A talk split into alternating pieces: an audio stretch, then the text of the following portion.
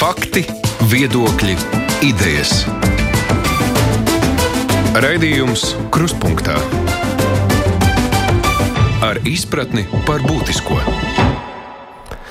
Einstamsons studijā Pagājušās nedēļas traģēdija Rīgā, Mērķeļa ielā, kur ugunsgrēkā gāja bojā astoņi cilvēki, atklāja mums kādu nepievilcīgu ainu, kas lielākoties sabiedrības acīm bija palikusi apslēpta. Rīgā ir daudz nelegāli izīrētu dzīvokļu, kas kļuvuši par patvērumu vietu dažādiem, nu, protams, ne tiem turīgākiem iedzīvotāju slāņiem. Turklāt daudz no tiem ir pārvērsti par latviešu sakot, pritoniem.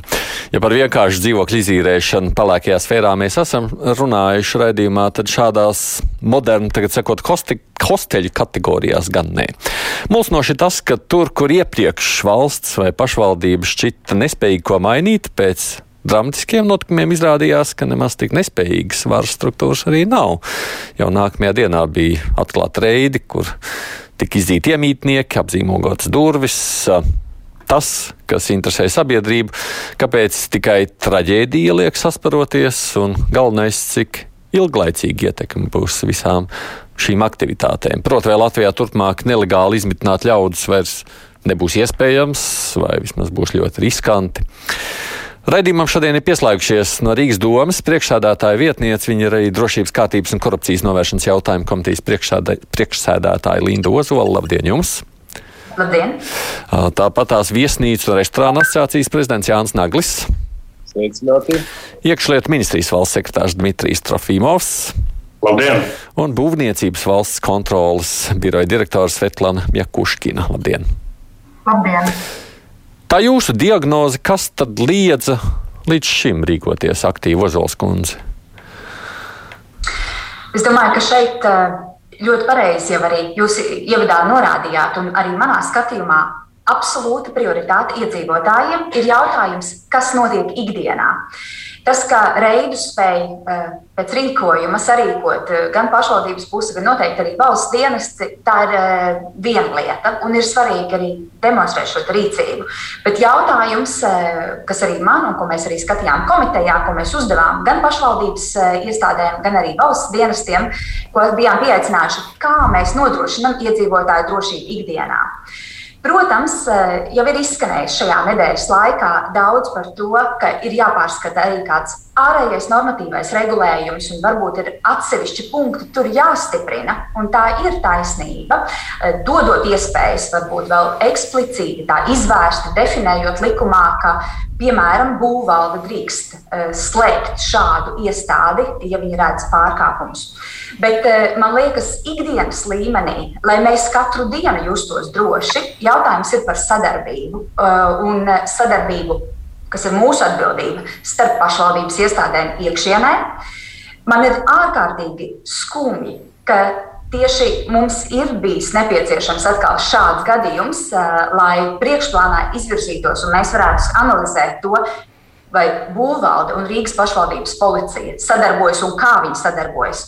Var jums apliecināt, ka šobrīd tik tiešām mēs esam uh, procesā, lai nodrošinātu arī to tehniski, kā būvvalde piekļūst informācijai par tiem pārkāpumiem, ko reģistrē Rīgas pašvaldības policija dažādos objektos lai tad, ja mēs redzam, ka šie sarkanie karodziņi e, par kādiem pārkāpumiem parādās vairākās iestādēs, mēs arī proaktīvi pievēršam papildīgu uzmanību. Protams, vai es pareizi saprotu, jūs sakāt? Bet otra lieta, vēl svarīgāka, ir starp pašval, sadarbības starp pašvaldības un valsts iestādēm, kas izgaismojās arī vakardienas komitejas sēdē, uzklausot gan valsts policiju, gan valsts ugunsdzēsības un glābšanas dienas pārstāvi, gan arī valsts ieņēmuma dienas pārstāvi par sadarbību un apmaiņu ar šādu operatīvu informāciju starp pašvaldības un valsts dienestiem.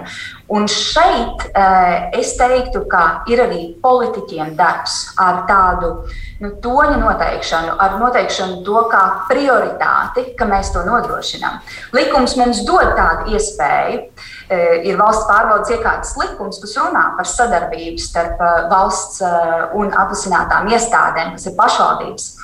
Bet man vienlaikus arī, piemēram, būvvaldes vadītājs apliecina, ka jā, mēs esam vērsušies arī pagājušajā gadā kā iestāde pie VUGDA, pie ugunsdzēsības dienesta, arī iestādes ar lūgumu veidot tiešām oficiālu formālu sadarbību, lai mēs varam apmainīties ar informāciju un nepieciešamības gadījumā proaktīvi vērsties pret piemēram, šādām iestādēm, bet atsaucība nav rasta. Ozols kundze, Ozols kundze, Ozols kundze, Ozols kundze, vai jūs mani dzirdat? Ozols kundze, vai jūs, vai jūs man dzirdat arī, kad es kaut ko jautāt gribu? Dzirdat, jā? Ja? Es jautāju tādā ziņā, jūs, lai es ļautu saprast, ko, ko jūs man sacījāt. Tas nozīmē, ka vairāk vai mazāk atsevišķām iestādēm kaut kāda informācija ir. Kaut ko zina policija, kaut ko zina būvvalde, kaut ko zina ugunsdzēsēji, kaut ko zina vidi, bet katrs paliek ar savu un tādā veidā tāpēc nekas neiet uz priekšu. E, jā, katrs savā šaurajā atbildības jomā redz, Piemēram, arī statistiku, cik mums ir pārkāpumi, cik ir administratīvie procesi uzsākti kādās vietās. Bet mēs redzam, ka šie sarkanie karodziņi varbūt ir katrai iestādē, un ja mēs viņus saliekam kopā, tad izrādās, ka Mērķeļa iela 8 e, ir bijusi priekšplānā ne tikai būvvaldē vai pašvaldības policijai, bet arī valsts, arī Bugdam, arī NMPD neatliekamai palīdzībai. Un mums nav šī vienotā uh, punkta, kur tad šie sarkanie karodziņi saplūst kopā. Labi, tik tālu sapratu. Skatoties no viesnīcu uh, uh, un restorāna asociācijas viedokļa, Nagaļkungs, ziņas par to, ka šāda veida izmitināšana notiek, taču jums arī ir bijušas, vai ne? Tikai ieslēdziet mikrofonu, citādāk es jūs nedzirdēšu. Būs tikai mutes plātīšana. Tātad problemātika ir krietni plašāka. Tātad šajās profesionālajās biedrībās, kas uh, apvieno uh, attiecīgās uh, nozares, ir diemžēl ļoti vāji pārstāvēts. Tā viesnīcas restorāna asociācijā kopumā ņemot šo biedru skaits ir 254. Hosteļu vai jaunatnes mītņu asociācijā šis cipars ir vēl mazāks. Tātad, ko es ar to gribu teikt? Ar to, ka profesionāli informēti informāciju, eh, apmācību, teiksim, domu apmaiņu, prakses apmaiņa ir eh, ļoti ierobežotā lokā. Otra problemātika ir sekojoša. Tātad apmēram trīs gadus iepriekš eh, mēs uz ielām piestiprināt šīs norādes, ka tur atrodas hosteļi, redzējām ļoti mazā skaitā. Tad viesnīcas restorāna asociācija kopā kopā ar eh, valsts ieņēmumu dienestu veica vienu akciju. Tad mēs ņēmām vienkārši rupji Booking.com un Airbnb šīs mājaslapas, attiecīgi identificējām adreses, un uh, Vits savukārt nosūtīja uh, nu, vēstules, lai uh, viņi uzsāktu vai reģistrētos kā komersanti. Tātad viena lieta tika paveikta, vismaz parādījās norādes attiecībā teiksim, uz uh, sanitāriju, uh, citām ērtībām vai nērtībām, mēs paļāvāmies pamatā uz uh, atsauksmēm, ko viesi raksta Booking.com, Airbnb. Arī par Merķeļa ielas hosteli tie, tās atsauksmes bija vienkārši traģiskas. Logu nav, ventilācija nav un tā tālāk. Bet tik un tā, ņemot vērā ārkārtīgi zemo cenu, 3 eiro par nakti, uh, nu, viņi savus viesus vai, vai attiecīgos eh, pilsoņus tur spēja izmitināt. Eh, jāsaka, ka kas pirmais eh, visvairāk ietekmē šo, šo kopumā ņemot viesmīlības biznesu? Nodokļu nemaksāšana. Tas ir pirmais. Otrs aspekts jau ir attiecīgo noteikumu vai sanitārijas normu ievērošana, kura īpatsvars tajās kopējās izmaksās ir krietni mazāks. Tas būtu nākošais solis, kurš noteikti arī tiktu iedarbināts. Nu, kas nozīmē tas, ko jūs sakāt, Nagaļkungs? Tātad reģistrēti jau viņi ir, zināmi mums ir. Tikai jautājums, kas tālāk tur notiek, vai ne? Un tā ir kontrole. Un trešais punkts, uz ko es gribētu vērst, tā ir arī eh, mūsu likumdevēja teiksim, pasivitāte. Turisma uh, likumā mēs uh, aicinājām attiecīgi no, normu ieviest, definīciju, arī tā skaitā šie apartamenti. Vēl viens, teiksim, tāds ļoti liels apjoms uh, vai viesu dzīvokļi, kas nekur nefigurē. Absolūti, viņi daļēji liela, maza, maza joma tagad caur vidu aktivitātēm ir eh, legalizēta, bet principā eh, viņi pastāv ārpus likuma. Un saimnes komisija gandrīz vienbalsīgi nobalsoja te, nobalsoja pret šādas normas iekļaušanai turisma likumā. Tātad tā arī ir ļoti liela problemātika. Lai pārliecinātu nu, attiecīgi arī politiku. Nu, Labi, šīs, trīs, jā, šīs trīs lietas arī ņem vērā, skatoties savukārt no tā, ko jūs varat vai nevarat izdarīt. Nu, lūkojieties kaut vai no Būvniecības valsts kontrolas biroja. Jums tā informācija ir vai pietrūkst tas, ko sacīja Ozols kundze? Tātad, Pagaidām, es prasīju, nē, es prasu piedodies šobrīd uh, Maķuškins kundzei. Jā, tātad attiecība no mūsu skatu punktā. Tad ir jāsaka, ka konkrētais objekts mūsu uzraudzības lokā nav bijis, viņš nav piekritīgs mums. Būvniecības valsts kontrolas biroja kompetence un attiecīgi pašvaldību būvvalžu kompetence ir strikti sadalīta. Mēs kontrolējam publiskās būves un nodrošinām attiecīgi tur kontroli. Tas, ko šobrīd vispār regulējums paredz, Tātad uz doto brīdi ir instrumenti, lai varētu iekļūt iekšā. Ja, piemēram, īpašnieks piemēram, ne, nelaiž, tad varētu vērsties un ar tiesas lēmumu šīs darbības attiecīgi īstenot. Tālāk likumdevējs ļoti pietiekami skaidri norādījis, ka, ja ir konstatēta patvaļīga būvniecība, un šeit es gribu varbūt tā atgādināt, kādos gadījumos mēs uzskatām, ka ir patvaļīga būvniecība, tad nu, pirmais, ja ir kaut kā bez, bez saskaņotas ieceres, ir veiktas veikta pārbūvē, piemēram, ir nojauktas kaut kādas sienas vai uzceltas papildus starp sienas. Un patvaļīga būvniecība mums notiek arī tad, kad ēka eksploatēt neatbilstoši paredzētiem mērķim. Nu, e, Piemēram, e, tās tā ir kaut kāds piemēram, bērnu dārza rezultātā, tur uztaisa ražotni kaut kādu. E, pēc regulējuma kontrolējušai institūcijai konstatēt neatbilstības jāpieņem lēmums, tad ir divas iespējas. Ir attiecīgi no, novērst patvaļīgu būvniecību, vai arī attiecīgi pastāv iespēja atjaunot sākotnēju statusu. Protams, ja patvaļīgas būvniecības rezultātā ir apdraudēta sabiedrībā, proti, mēs redzam riskus attiecībā uz mehānisku stiprību, stabilitāti, lietošanas drošību, tad attiecīgi kontrolēšana institūcija ir arī tiesības apturēt pilnībā vai daļai to eksploatāciju. Un tad mēs pakāpeniski nonākam līdz nākamajam solim, nu, kas notiek tajos gadījumos, kad faktiski labprātīgi administratīvais akts netiek pildīts no īpašnieka puses. Tad pastāv iespēja uzsākt piespiedu izpildi, tur ik pēc septiņām dienām piemērot sodus. Bet, bet vienmēr ir jāatcerās, ka noteikti, protams, es nevarēšu tik detalizēti dokumentēt gadījumu, kas ir noticis Mērķa ielā. Mēs nebijām šajā procesā iesaistīti. Bet faktiski tas liecina, vismaz pirms šķietam un publiski iepazīstoties ar to informāciju, kas mums visiem ir pieejama, Kaut kāda lēmuma bija pieņemti, viņš nav pildījis, tur arī figurēja, ka bija piemērots sots. Bet tālāk nebija efektīva instrumenta tajā brīdī, kad, lai, piemēram, būvvalde, kas konstatē patvaļīgu būvniecību un saskata riskus, varētu attiecīgi nu, piespiedu kārtā apturēt eksploatāciju vai radīt apstākļus, kas iespējams varētu traucēt e, eksploatāciju. Tā kā šobrīd tā tas izskatās. Mēs šobrīd ļoti skatāmies uz konkrētu lietu, tas ir saprotams, protams, mēs tagad par to diskutējam. Bet es aicinātu arī paskatīties nedaudz plašāk uz šo jautājumu. Faktiski pamat jautājums ir, kādi, kāda šobrīd ir izveidota sistēma, kā mēs varam konstatēt, eh, tā skaitā patvaļīgu būvniecību. Nu, bet redz, jautājums jau arī ne jau vienmēr, laikam tas ir jautājums, ka tur vispār būvniecība ir notikusi, vai ne? Nav, dzīvokli jau arī var izīrēt tāpat kā dzīvokli, nav obligāti tam jākļūst par hostelim. Jūsu gadījumā interesi ir tikai tad, ja tur kādu telpu pārtaisa par hosteli, jā, sabūvē sieniņas, saliek durvis tā.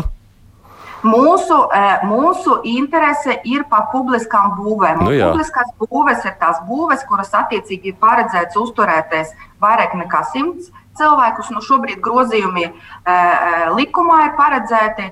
Faktiski mēs runāsim par ēkām, kas ir sabiedriskas ēkas, virs tūkstoš kvadrātmetru. Bet nu, tādas taču jūs jau redzat. Bet tādas jau jūs tagad redzat. Mēs tādas redzam un attiecīgi kontrolējam. Pārsvarā tas tā tēma vai jautājums, par ko mēs šodien diskutējam, kontekstā mērķa iela, mēs runājam par daudz no, nu jā.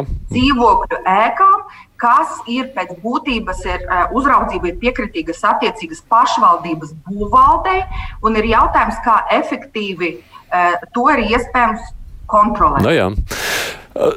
Vienmēr jau par kontroli domājot, viss jau skatās nu, pirmkārt jau policijas virzienā, bet būtībā jau iekšlietu ministrijai jums jau ir vairāk struktūras, kuras šādā ziņā darbojas vai uzrauga. Tā ir policija, tātad te tik pieminēts valsts ugunsdzēsības un glābšanas dienas. Droši vien tikpat ir interesants jautājums par iespējām nelegāliem migrantiem un to, vai tādi kaut kur tiek izmitināti. Es pieļauju, ka iekšlietu ministrija ir viena no tām, uz kur visvairāk var acis tajā brīdī mest lūkoties. Kas tad jūsuprāt ir bijis tā problēma, nu, kas ir liedzis līdz šim rīkoties efektīvāk? Vieglāk? Jā, tā nu ir, ka pēc notikuma, ja tieši tā kā jūs minat, kontroles institūcijas arī šķetina un restaurē šo te fenomenu. Šajā gadījumā es gribētu piekrīst īstenībā Ozolas kundzes minētajam sākumā, jo par to sadarbību informācijas apmaiņu. Šodien mēs eh, katrs varam izlasīt Maksimas traģēdijas eh, parlamentārās izmeklēšanas eh, komisijas ziņojumu, kur faktiski citā, protams, apjomā, bet ir tās pašas lietas, proti, tiesiskais regulējums, starp institūciju sadarbība, informācijas apmaiņa. Šajā gadījumā, kad mēs runājam par to, ka aiz tajā brīdī, kad ugunsdzēsējs un glābējs uzlauž dzelzs durvis un konstatē tur divus nelikumīgi pārbūvētus dzīvokļus ar 34 istabiņām, tas ir tas, par ko esam redzot, ir šī svarīgākā sarunas daļa. Pēc tam mēs varam mēģināt saprast, ko darīt citādi, lai, protams, tas neatkārtotos, un kas ir šodien ar šādiem diviem nelikumīgi pārbūvētiem dzīvokļiem ar 34 istabiņām.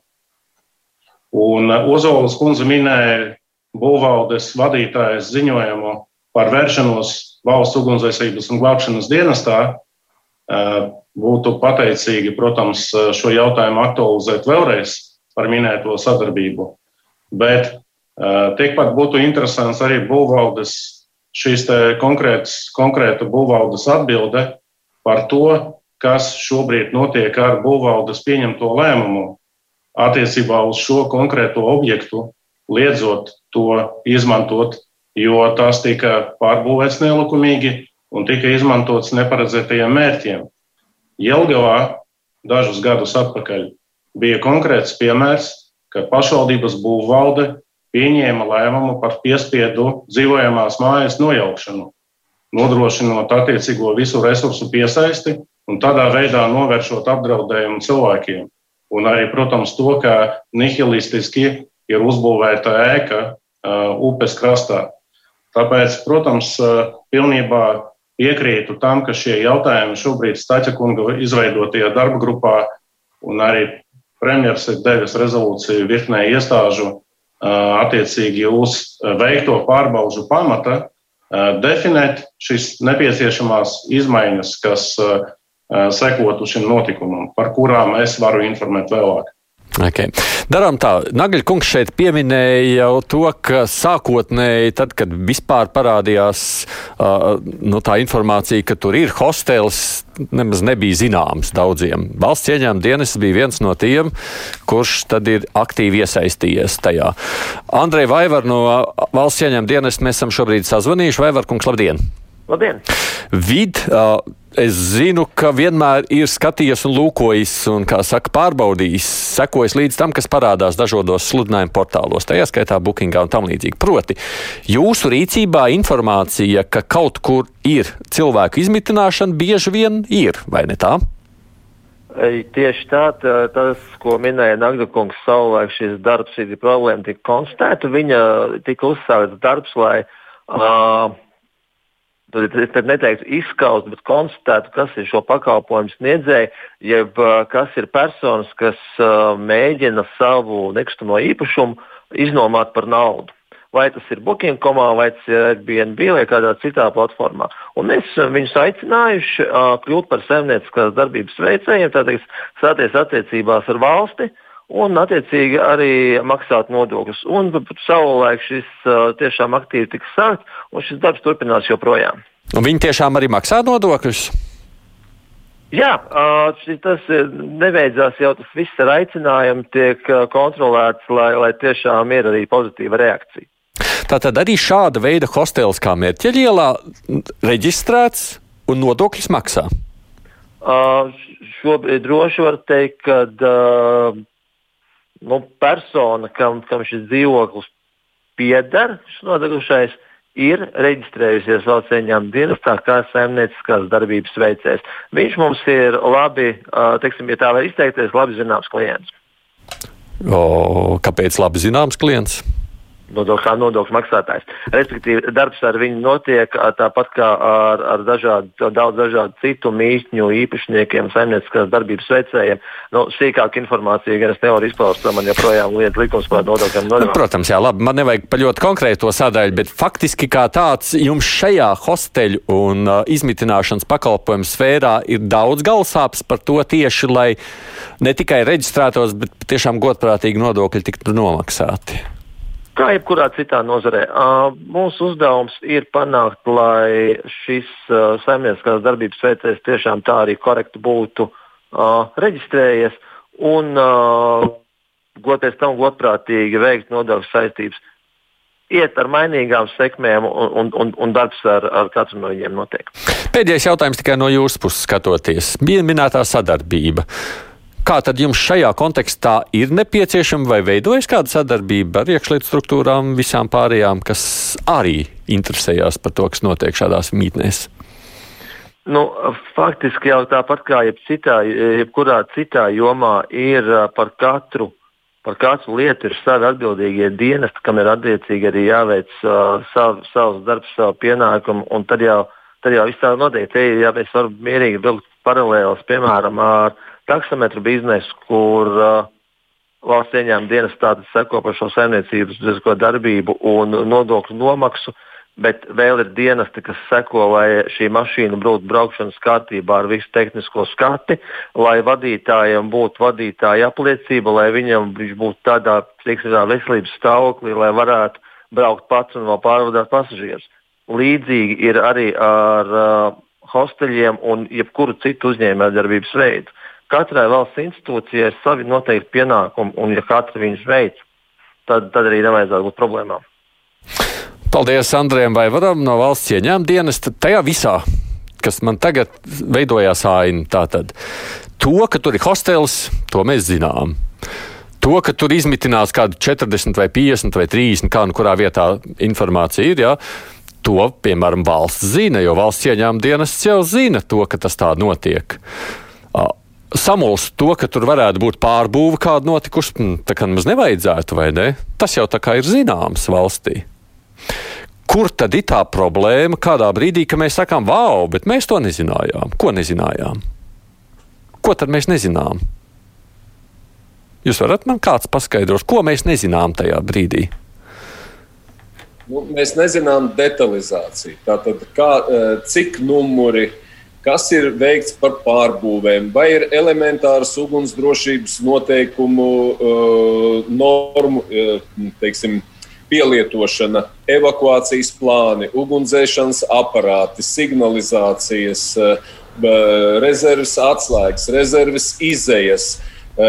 Tālāk sanitārie, teiksim, šie te podi, izlietnes, dušas un tā tālāk. To jau mēs nezinām. Zinām, eh, viesnīcās, kurās notiek certifikācija, kuras eh, startē atbilstoši Eiropā noteiktiem standartiem, Eurostar Union teiksim, prasībām. To mēs zinām. Bet eh, šādus nē. Proti, ja jūs gribētu sacīt tā, ka viesnīcām tur ir standarti uzlikti, tos mēs kontrolējam, tiklīdz mēs nonākam pie hosteļiem vai pie kaut kā, kas ir mazāk, to mēs tā kā vairs nekontrolējam, nezinām, ja Kuškins kundze. Jā, paldies. Es varbūt no savas puses īsu komentāru. Tad pirmais jautājums, kā mēs vispār kopumā nosakām prioritātes. Tas ir jautājums kontrolējušam institūcijām. Kā mēs nosakām, uz kurien vispār mums vajadzētu iet. Jo, piedodiet, bet hosteļi nav vienīgais. Protams, uz... protams, protams. Mums ir jāsaprot. Otrs, kā mēs īstenojam uzraudzību.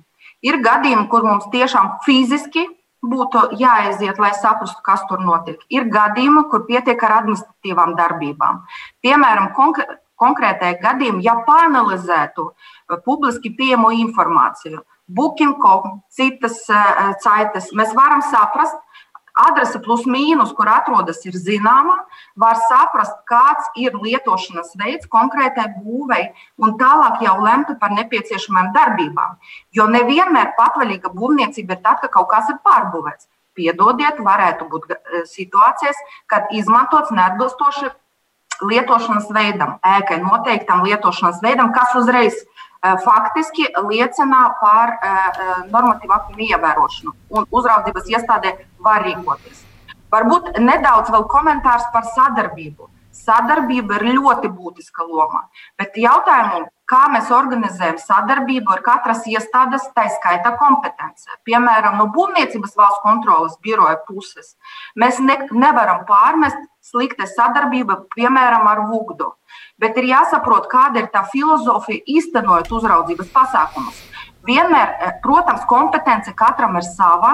Mēs varam eh, rīkoties savas kompetences ietvaros, bet ir tāds ļoti vienkāršs princips, nepēj garām. Ja ir konstatēts, ka vai pazīmes, ka ugunsdrošības normas nav ievērotas. Ja mēs redzam, ka tur ir kaut kādas lietas, kas ir piemēram veselības inspekcijas kompetencē, uzraudzības iestāde var piefiksēt un nosūtīt šo informāciju, aicinot rīkoties. Rigordi, labi, pie, pie tā mēs arī vēl atgriezīsimies, bet man jau liekas, pašā sākumā, tajā brīdī, nu, varbūt es esmu naivs, bet man liekas, tajā brīdī, kad tu reģistrē, tu, nu, viena lieta ir tajā brīdī, kad tu to dari nelegāli, bet tad, kad tu reģistrējies hotels un reģistrējies kā saimnieciskās darbības veicējs, un lūk, tu tagad oficiāli, jeb legāli kaut ko izīrē. Nu, tur taču vajadzētu būt kaut kādām minimālām prasībām, vismaz jau ne, normālām prasībām, kā Nagaļkungs sacīja. Nu, tur kādam vajadzētu tajā brīdī pārskatīt, ja ierasties un secināt, vai ugunsdrošības prasības vispār ir, vai tur ir kaut kādas sanitārās normas iespējams nodrošināt, vispār pots un toalete eksistē vai nē. Nu, proti, kaut kas kas liktu veikt pārbaudi līdzīgi kā jebko. Es taču, kad māju nodod eksploatācijā, pie manis atnāk viens pārbaudīt, atnāk otrs pārbaudīt, atnāk trešais. Viņi pārliecinās, ka es tur vispār drīkstu kaut ko darīt.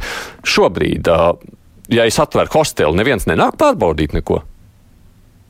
Ja drīkst no savas puses pareizi saprotu, tad tā hosteļa definīcija, tas ir tas, kas mums arī iztrūkst šobrīd. Tā ir viena lieta. Tad, e, tad mēs skatāmies, katras iestādes, kā līdz šim tas ir bijis, viņi skatās šauri savu kompetenci. Vūgts ir vairākas reizes jau arī publiski teicis, ka viņi mēģināja iekļūt telpās, un viņam arī neizdevās. Patiesībā jau arī Vūgdam, līdzīgi kā tas ir pašvaldības policijai, līdzīgi kā tas ir citām tiesību aizsardzības iestādēm, ir tiesības uh, pieaicināt valsts policiju un saņemt šo sankciju, lai piespiedu kārtā iekļūtu šajā vietā. It sevišķi mēs zinām, ka tur notiek arī saimnieciskā, saimnieciskā darbība. Un, uh, ir jāatzīst, ka savas pilnvaras uh, ne visi izmantoja. Uh, arī tās, kas jau šobrīd likumos un visā normatīvajā regulējumā ir uh, pieļaujamas. Mēs, protams, runājām, un esam ļoti daudz runājuši ar būvvaldes vadītāju Rīgā par šo konkrēto gadījumu un e, par to, ka, kāpēc mēs ne, kāpēc nebija uzlikts sarkana lente pāri un, e, un slēgts. E, ne, Ozāls kundze, Ozāls kundze, es nesapratu pa priekš to tā sākuma jautājumu. Tad, kad vispār kāds atver hostelu, tur kāds aiziet pārbaudīt, vai, tur, vai jūs sakāt, tā kā mums hostels likumā nav ierakstīts, tad piedodiet, hostelu var darīt un rīkoties jebkurš jebkā. Es gribu saprast, sākumā tur kāds aiziet un vispār pārbauda, vai tur ir hostels vai kas tur ir. Iespējams, Nagļa kungs var dokumentēt šo no savas profesionālās nozares asociācijas viedokļa. Nagļa kungs. Nu, uh, diemžēl uh, šie ir, ja tā var teikt, izgājuši ēnā un jau konstatēts fakts, tas ir teiksim, šī šilte vai, vai, vai Eh, parādījās pie Merķeļa ielā, tad, kad Vits kopā ar Viesnīcu restorānu asociāciju uzsāka šādu darbu. Jā, bet tajā brīdī tā reģistrācija ir notikusi. Nu, tādā ziņā Vits ir pieregistrējis, nodokļi tiek maksāti. Nu, un tālāk? Jā, ir reģistrēta vieta, adrese, bet tālāk nekādas pārējās darbības droši vien netika veiktas. Likums nu, neprasa. Likums, gadiem, likums gadiem neprasa. Veikta, Tā tad mums ir iespēja attaisīt jebkuru, nu, tad, ja es saprotu no būvniecības biroja, ja tur ir pār pa simts cilvēkiem, tad, tad birojs ieinteresējas. Bet, ja es varu izmitināt 99 vai ne, tad likums neprasa, es viņus lieku kā es gribu. Kur es viņus gribētu? Nu, tad, tomēr gribētu precizēt. Nu. Mums ir sadalīta atbildības jomā ir objekti, kurus kontrolē Būvniecības valsts kontrolas birojas, un ir objekti, kurus kontrolē attiecīgas pašvaldības būvvalde. Mums ir dažādas eh, nu, tādas nu, kompetences vai uzraudzības jomas. To es saprotu. Bet, bet Mēs pašvald... arī kontrolējam tiesnīcas, ka, ka ir attiecīgi ir kā publiskās, kurās paredzēts uzturēties vairāk par simt cilvēku atbilstoši šobrīd spēkā esošajam regulējumam. Veicam kontroles. Mums arī ir gadījumi nerunājot tikai par viesu, bet kopumā kontrolēt publiskās ēkas, kur mēs redzam patvaļīgu būvniecību. Nē, to jau mēs izrunājām. Jā. Atgriežos atpakaļ vēlreiz pie šī paša dzīvokļa pārbūves. Trofimo kungs, nu, valsts ugunsdzēsības dienests interesējās tajā brīdī, kad jums, no... vai jums vienkārši nenonāk tā informācija. Valsts ieņēmuma dienests jau zina, ir reģistrējies, viss notiek, bet neviens nezina, ka tur ir hostels. Izstāstiet, nu ļaujiet man saprast, Trofimo kungs. Jā, paldies. Uh... Šeit mēs runājām, mēs gribētu izmantot iespēju arī precizēt Uzolas kundzes minēto attiecībā uz to, ka policija var palīdzēt ar varu iekļūt īpašumā. Mēs dzīvojām demokrātiskā valstī, un mēs saprotam, ka arī valsts policija rīkojās atbilstoši apdraudējuma līmenim un tām iespējām un tiesībām, kas tai ir piešķirtas. Tas nozīmē, ka valsts policija taisni var tikt pieaicināta un vēlreiz Jelgavas pašvaldības būvvaldes lēmuma gadījumā nodrošināt piespiedu dzīvojamās nelikumīgi uzbūvētās mājas nojaukšanu. Gan valsts policija, gan pašvaldības policija bija klāt, lai nodrošinātu sabiedrisko kārtību. Taču, ja mēs runājam par šo te iespēju ar kādiem piespiedu mehānismiem to nodrošināt, Tad tas ir citas iespējas. Tas ir apsardzes kompānijas, tiesa izpildītājs, kas fiksē faktu un tā tālāk. Valsts ugunsdzēsības un glābšanas dienests pirmajā dienas šajā konferencē detalizēti minējis, es to neatkārtošu, cik regulāri ir būt šajā objektā. Un neskatoties uz to, ka persona ir reģistrējusi, kā, reģistrējusies kā saimnieciskās darbības veicējs un ir pildījusi nodokļu saistības kā saimnieciskās darbības veicējs. Tur nav problēmu. Bet vēlreiz, ja aiz dzelzceļa durvīm atrodas divi pārbūvēti dzīvokļi ar 34 istabiņām, tad mēs šo situāciju mums būtu jāvērtē pēc jēgas un pēc būtības. Bet pēc jēgas, Tāpēc... un, pēc jēgas un būtības ir tā, nu, nu, jūs saprotat, šobrīd sanāk bezgalīgi absurda situācija. Tātad tu reģistrē, ka tu saki, ka tev ir hostels.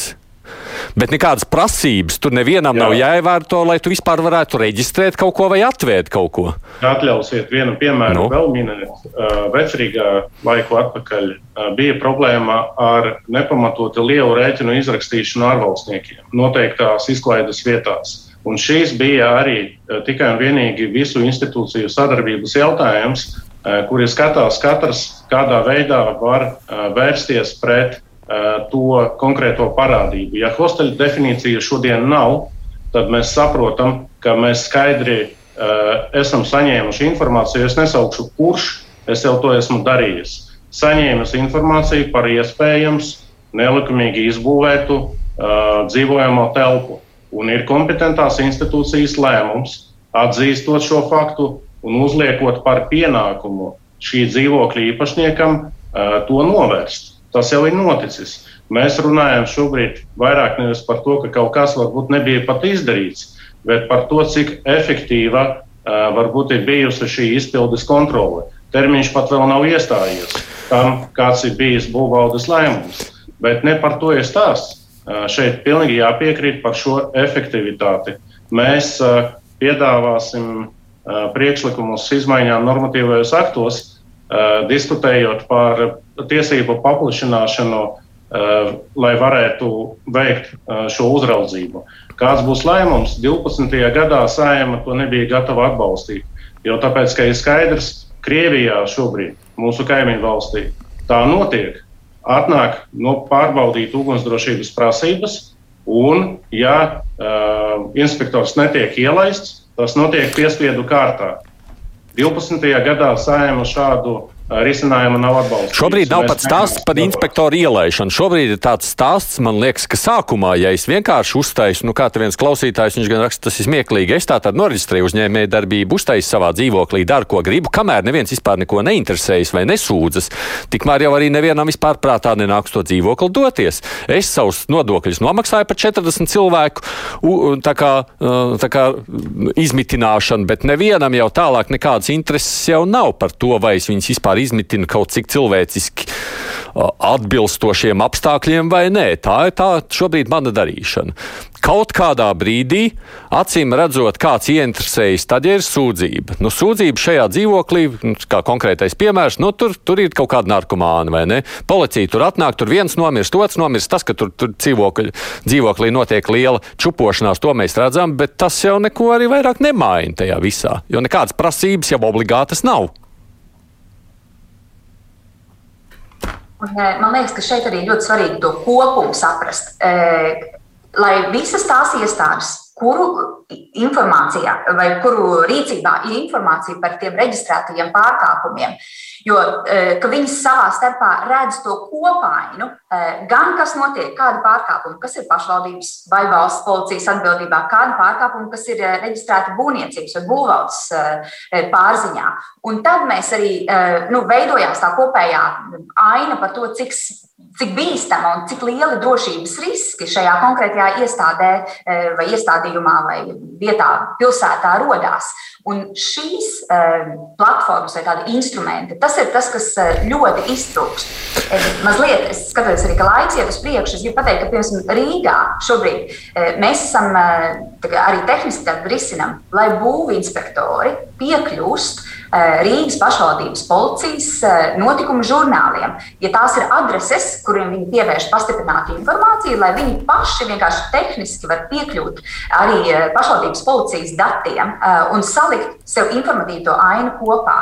Un es um, ļoti ceru, un es to arī sadzirdēju no Trofīmo kunga, ka mēs tiešām pie šīs sarunas varam atgriezties ka mēs nodrošinām šādu vieglu, tehniski atrisināmu informācijas apmaiņu arī starp pašvaldības un valsts iestādēm. Labi, Protams, pied, es vēlreiz jūs pārtraukšu. Es tomēr gribu iesākt ar to pamatu. Man liekas, piedodiet, jūs jau runājat vairāk nekā pusstundu. Man liekas, pats sākums ir tāds, ka nav vispār mums noteikts, ka kādam hostelim atveroties, tur ir kaut kādas pārbaudas jāveic un kaut kāda drošība jāievēro. Šobrīd tādas nav. Tu vari pierakstēties valsts ieņēmuma dienestā, sacīt, ka tu esi saimnieciskās darbības veicējs, maksāt gadiem kaut ko, bet kas tavā tajā īpašumā notiek, ko tu tur uzņem, vai tur normāli uzņem, vispār pārbaudas nav. Jums ir jāsāk vispirms ar to, ka tu nevari atvērt hostelu, pirms tu neizpildi kaut kādas minimālās prasības, vai ne tā?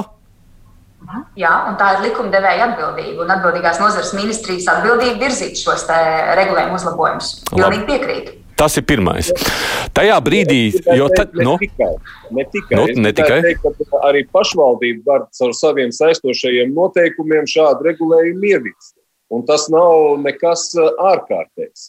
Veselu virkni ierobežojumu pašvaldība realizē caur pašvaldības saistošiem noteikumiem.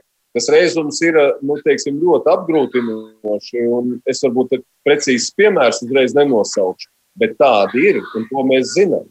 Es precizēšu, pašvaldība attiecībā uz hosteļiem Rīgas pilsētas pašvaldība mēģināja to ieviest ar uh, to regulējumu ar saistošiem noteikumiem un saņēma ekonomikas ministrijas nozari, ka mēs nevaram uh, pašvaldības līmenī, vienas pašvaldības teritorijas uh, līmenī, iejaukties komerc darbības regulējumā, ka tas ir nacionāla, nozīm, nacionāla līmeņa jautājums. Kā mēs mēģinājām no savas puses to darīt, bet ekonomikas ministrija šo mūsu iniciatīva apturēja. Okay.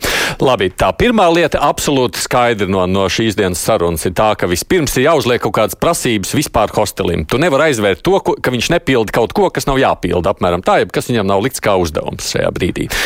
Tajā brīdī, kad ieradīsies ar sākotnējām prasībām, tur jau vajadzētu būt redzams Ir veikta kāda būvniecība patvaļīga vai nav? Vai tur ir uztaisīts ugunsdzēsības prasības kaut kādas ievērotas vai nav? Tad jau vismaz ir kaut kāds pamats, ar ko tālāk darboties. Tā otrā sadaļa, tajā, ko jūs savukārt sakāt, ir vispirms, es pat ne tik daudz par sadarbību, cik par iespēju vispār kontrolēt.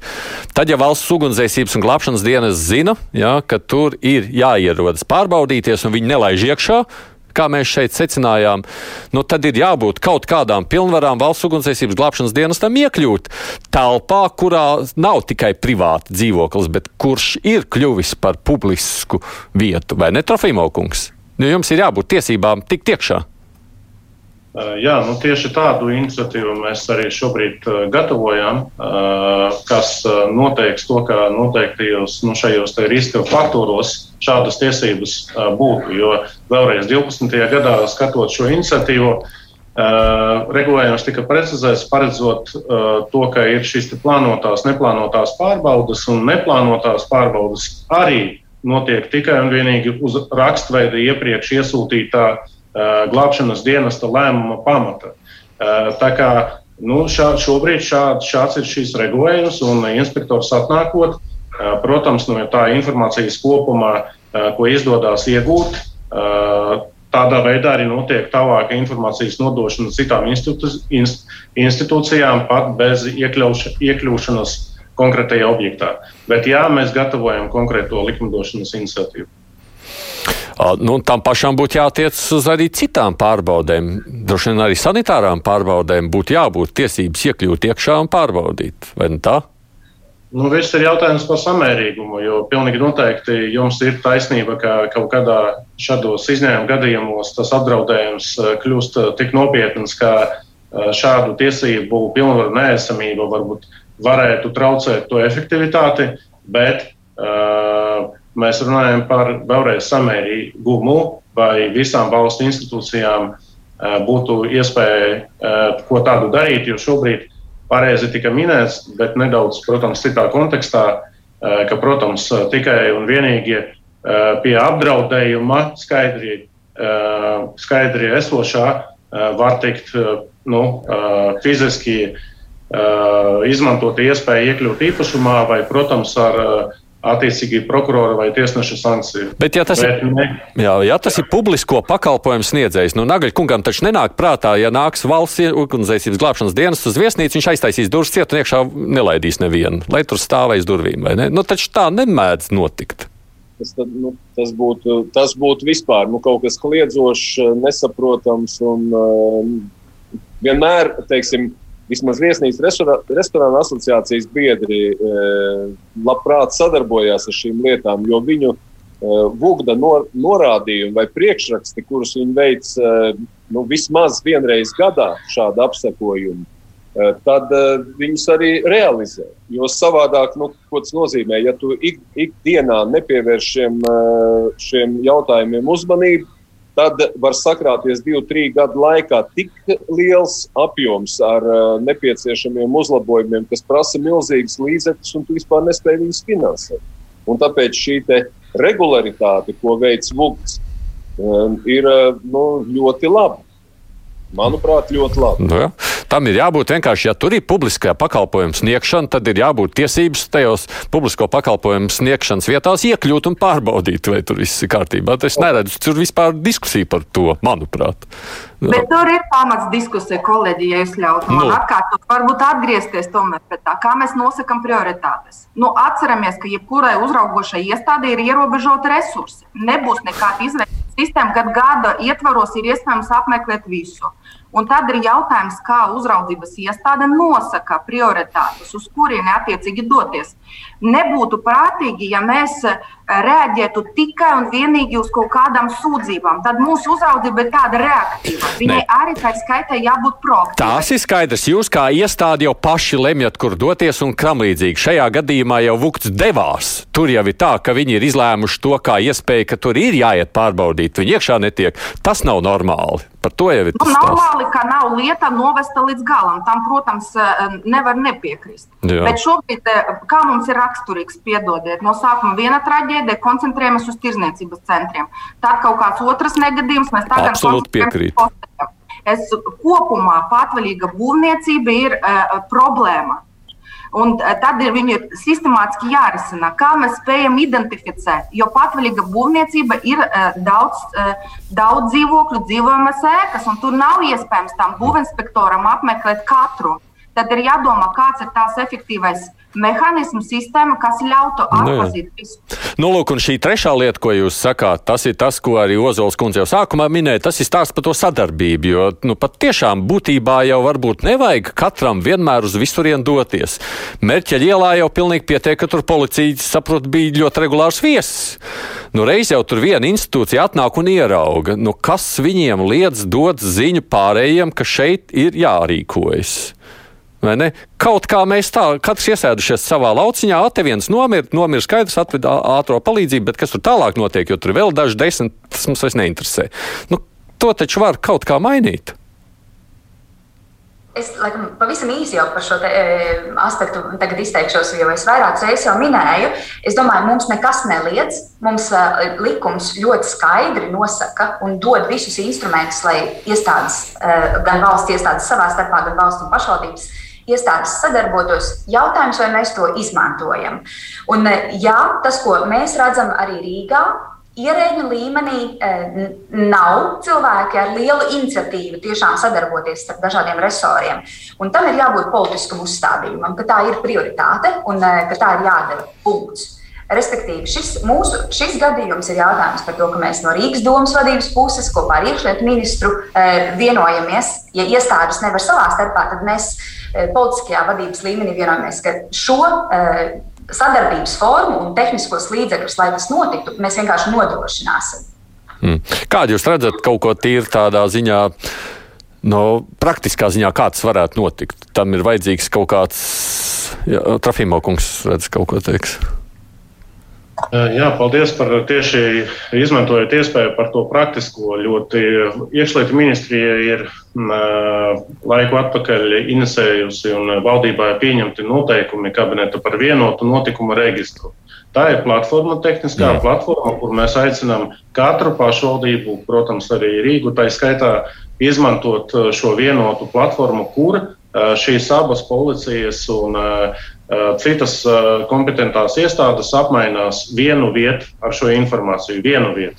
Diemžēl šobrīd noteikts pārējais posms līdz 23. gadam, eh, tīri tā iemesla dēļ, protams, ka valsts nespēja kompensēt pašvaldībām to, ko pašvaldības jau izveidoja līdz šim šādu notikumu reģistrēšanai. Tas ir saprotams, un arī no mūsu puses bija šāda nu, pretimnākšana. Bet ja ne tikai Rīga un citas pašvaldības uh, redz šo iespēju, tad tā ir jāizmanto. Būtu, un tas ir tieši, ko Ozols kundze min, minēja, uh, šīs akcents no pašvaldības vadības puses. Uh, jā, tas prasa varbūt kaut kā investīcijas, pilnīgi noteikti, bet rezultāts ir ātrāka informācijas apmaiņa vienu vietu. Mm. Paldies! Makošīns. Jā, ja drīkst ļoti īsu komentāru. Manuprāt, Precīzi bija pateikt, šobrīd nekas neliek sadarboties. Par ko konkrētu gadījumu būtu jāizmeklē detalizētāk, kāda bija rīcība no katras institūcijas puses, un varbūt nebija, kāpēc nebija izmantoti instrumenti, kas uz doto brīdi ir. Jo par lielām nevaru piekrist apgalvojumam, ka ierēģi vai, eh, vai attiecīgi valsts institūcijas vai pašvaldību institūcijas negrib sadarboties. Piedodiet, mums ir ļoti eh, tādi visiem dzirdami iepriekš dzirdami uh, gadījumi, piemēram, uh, tiltu uzraudzības ietvaros, kur faktiski bija ļoti veiksmīga sadarbība ar uh, valsts policiju, kur attiecīgi saprotot, ka īpašnieki nerīkojas tā, ka viņam būtu jārīkojas, attiecīgi bija pieņemti nepieciešami ierobežojuši pasākumi, lai mazinātu risku. Tā, kas, es domāju, ka Neapšaubāmi jāizmeklē konkrētie gadījumi, ir jāsaprot, kas tur ir par problēmām. Sadarbība notiek, bet, kā jau minēju, tās ir konkrētas institūcijas vēlme, eh, vēlme sadarboties. Šobrīd notiek apmaiņa, informācijas apmaiņa, piemēram, biroja gadījumā. Mēs sadarbojamies gan ar certificēšanas institūcijām, piemēram, informēt par kaut kādām neatbilstībām certificētu būvspeciālistu, eh, no būvspeciālistu puses. Sadarbojamies ar būknām, ar valsts policiju. Es domāju, ka tā ir kaut kāda nu, iekšējā nu, vērtību varbūt sistēma tiešām novest līdz galam uh, lietas, par kurām tu esi atbildīgs. Nekas vairāk. Mm -hmm. es, tā. Uh, Kurš vēl grasījās kaut ko sacīt? Tādas sadarbības kultūras iedibināšana, jo tas, ko mēs redzam, ka sadarbība individuālā līmenī, kur darbinieki dažādās iestādēs ir labi pazīstami, eh, var notikt ļoti raiti un tiešām labi, eh, bet, lai viņi būtu sistēmiski, tā sadarbības kultūra, eh, tur mums ir vēl ceļš ejams. Jā, es Nagļakungs, grasījāties kaut ko sacīt? Un Jā, es uh, gribētu piebilst, attiecībā teiksim, uz uh, hosteļiem, ņemot vērā šo vispārējo nu, hausu, kas tur valda, un apartamentu biznesā, kur valda hauss vai šie viesu dzīvokļi. Manuprāt, īslaicīgi būtu nepieciešama valsts iejaukšanās un tā saucamā certifikācija. Līdzīgi kā tas notika taksometru nozarē, šoferis certificē, uh, un attiecīgi arī krietni vieglāk valsts ieņēmuma dienestam pārējiem institūtiem sekot eh, viņu prasmēm eh, un adekvāti rīkoties. Un šeit arī ņemot vērā šo krīzi, nesakārtotību, gan nodokļu nemaksu, gan elementāru noteikumu neievērošanu. Jā, mazas nērtības ir visiem, bet iziet šo certifikāciju un uh, īsā laikā varētu arī nonākt līdz kaut kādam pozitīvam lēmumam. Mm -hmm. Un starp citu arī Bookingums un Airbnb Eh, arī šādu pasākumu labprāt atbalstīt. Viņi, teiksim, reģistrēt savā platformā tikai tos, kuri ir certificēti. Jā. Ja to valsts attiecīgi virza, tad eh, tas, eh, tas ir izdarāms. Jā, šis varētu būt viens no ceļiem, kā to var iet. Es, es laikam beigšu, mums ir jābeidz laiks, vai es tik daudz nav. Ir skaidrs, ka ir nepieciešams šis sākotnējais pamats, uz ko tālāk var tās pārbaudas veidot. Nu, mums, ja te, protams, arī raksta klausītāji par to nepārspīlēšanu, varbūt, varbūt šajā ziņā, protams, tur nav jābūt būt tādām pārbaudēm, kuras ļoti apgrūtina dzīvi un beig beigās vairs cilvēki negrib ar šo biznesu nodarboties, bet visu taču var izdarīt saprātīgi. Vai es pareizi saprotu, Ozols kundze, Rīgas doma varētu arī nu, virzīt to ideju tālāk uz saimu. Nu, kādam jānāk ar to sākotnēju iniciatīvu, ko tālāk darīt, ja mainīt likumdošanā? Jā, mēs no savas puses apkoposim uh, to pieredzes stāstu arī starp institūciju darba grupā, uh, kas ir mūsu mācības, un mēs esam gatavi vērsties pie likumdevēja. Tāds mm, ir mūsu plāns. Tas ir svarīgi. Es jums saku paldies par sarunu. Es, man liekas, vismaz beidzot sāku saprast, kur ir tā problēma, kāpēc mums iet tā, kā iet reizēm atsevišķās jomās, un šī ir viena no tādām. Rīgas domas priekšsēdētāja vietniece Linda Ozola, Jānis Nagals ir viesnīcas restorāna asociācijas prezidents, Dmitrijs Trafimovs, iekšliet ministrijā valsts sekretārs un Svetlēna Jakuškina ir būvniecības valsts kontrolas biroja direktora. Paldies jums par veltīto laiku šajā sarunā. Bet krustpunktā gan šodien izskan producente Tevi Junām, studijā biju es, Aidis Tomsons.